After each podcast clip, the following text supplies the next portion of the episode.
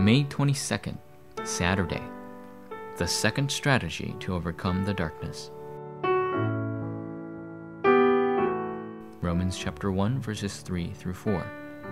Regarding his son, who as to his human nature was a descendant of David, and who through the Spirit of holiness was declared with power to be the Son of God by his resurrection from the dead, Jesus Christ our Lord.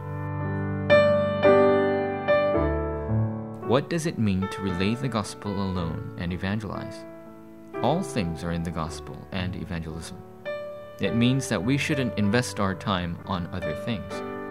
Although the gospel and evangelism are very important, many people waste time with worthless matters, get into useless fights and conflicts, and are deceived by the powers of darkness.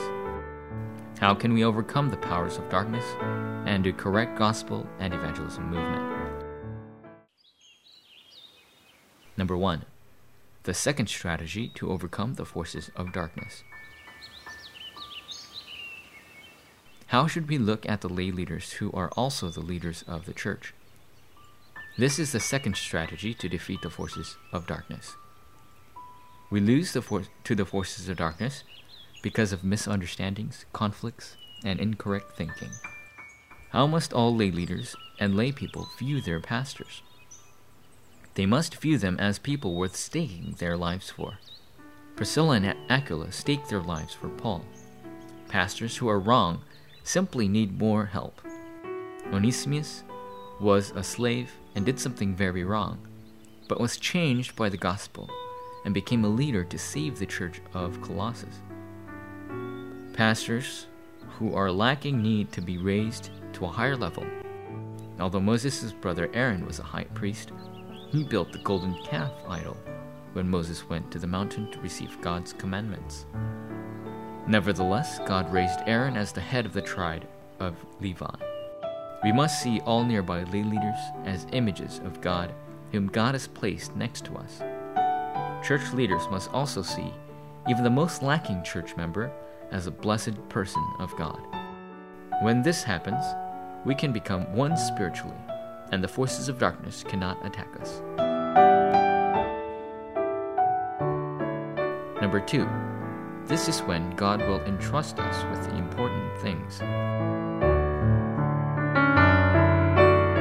God attached Ananias, Lydia, Jason, Priscilla, and Aquila to Paul. Gaius provided hospitality not only to Paul but also to all evangelists. Philemon received the financial blessing to fully support Paul's evangelism ministry.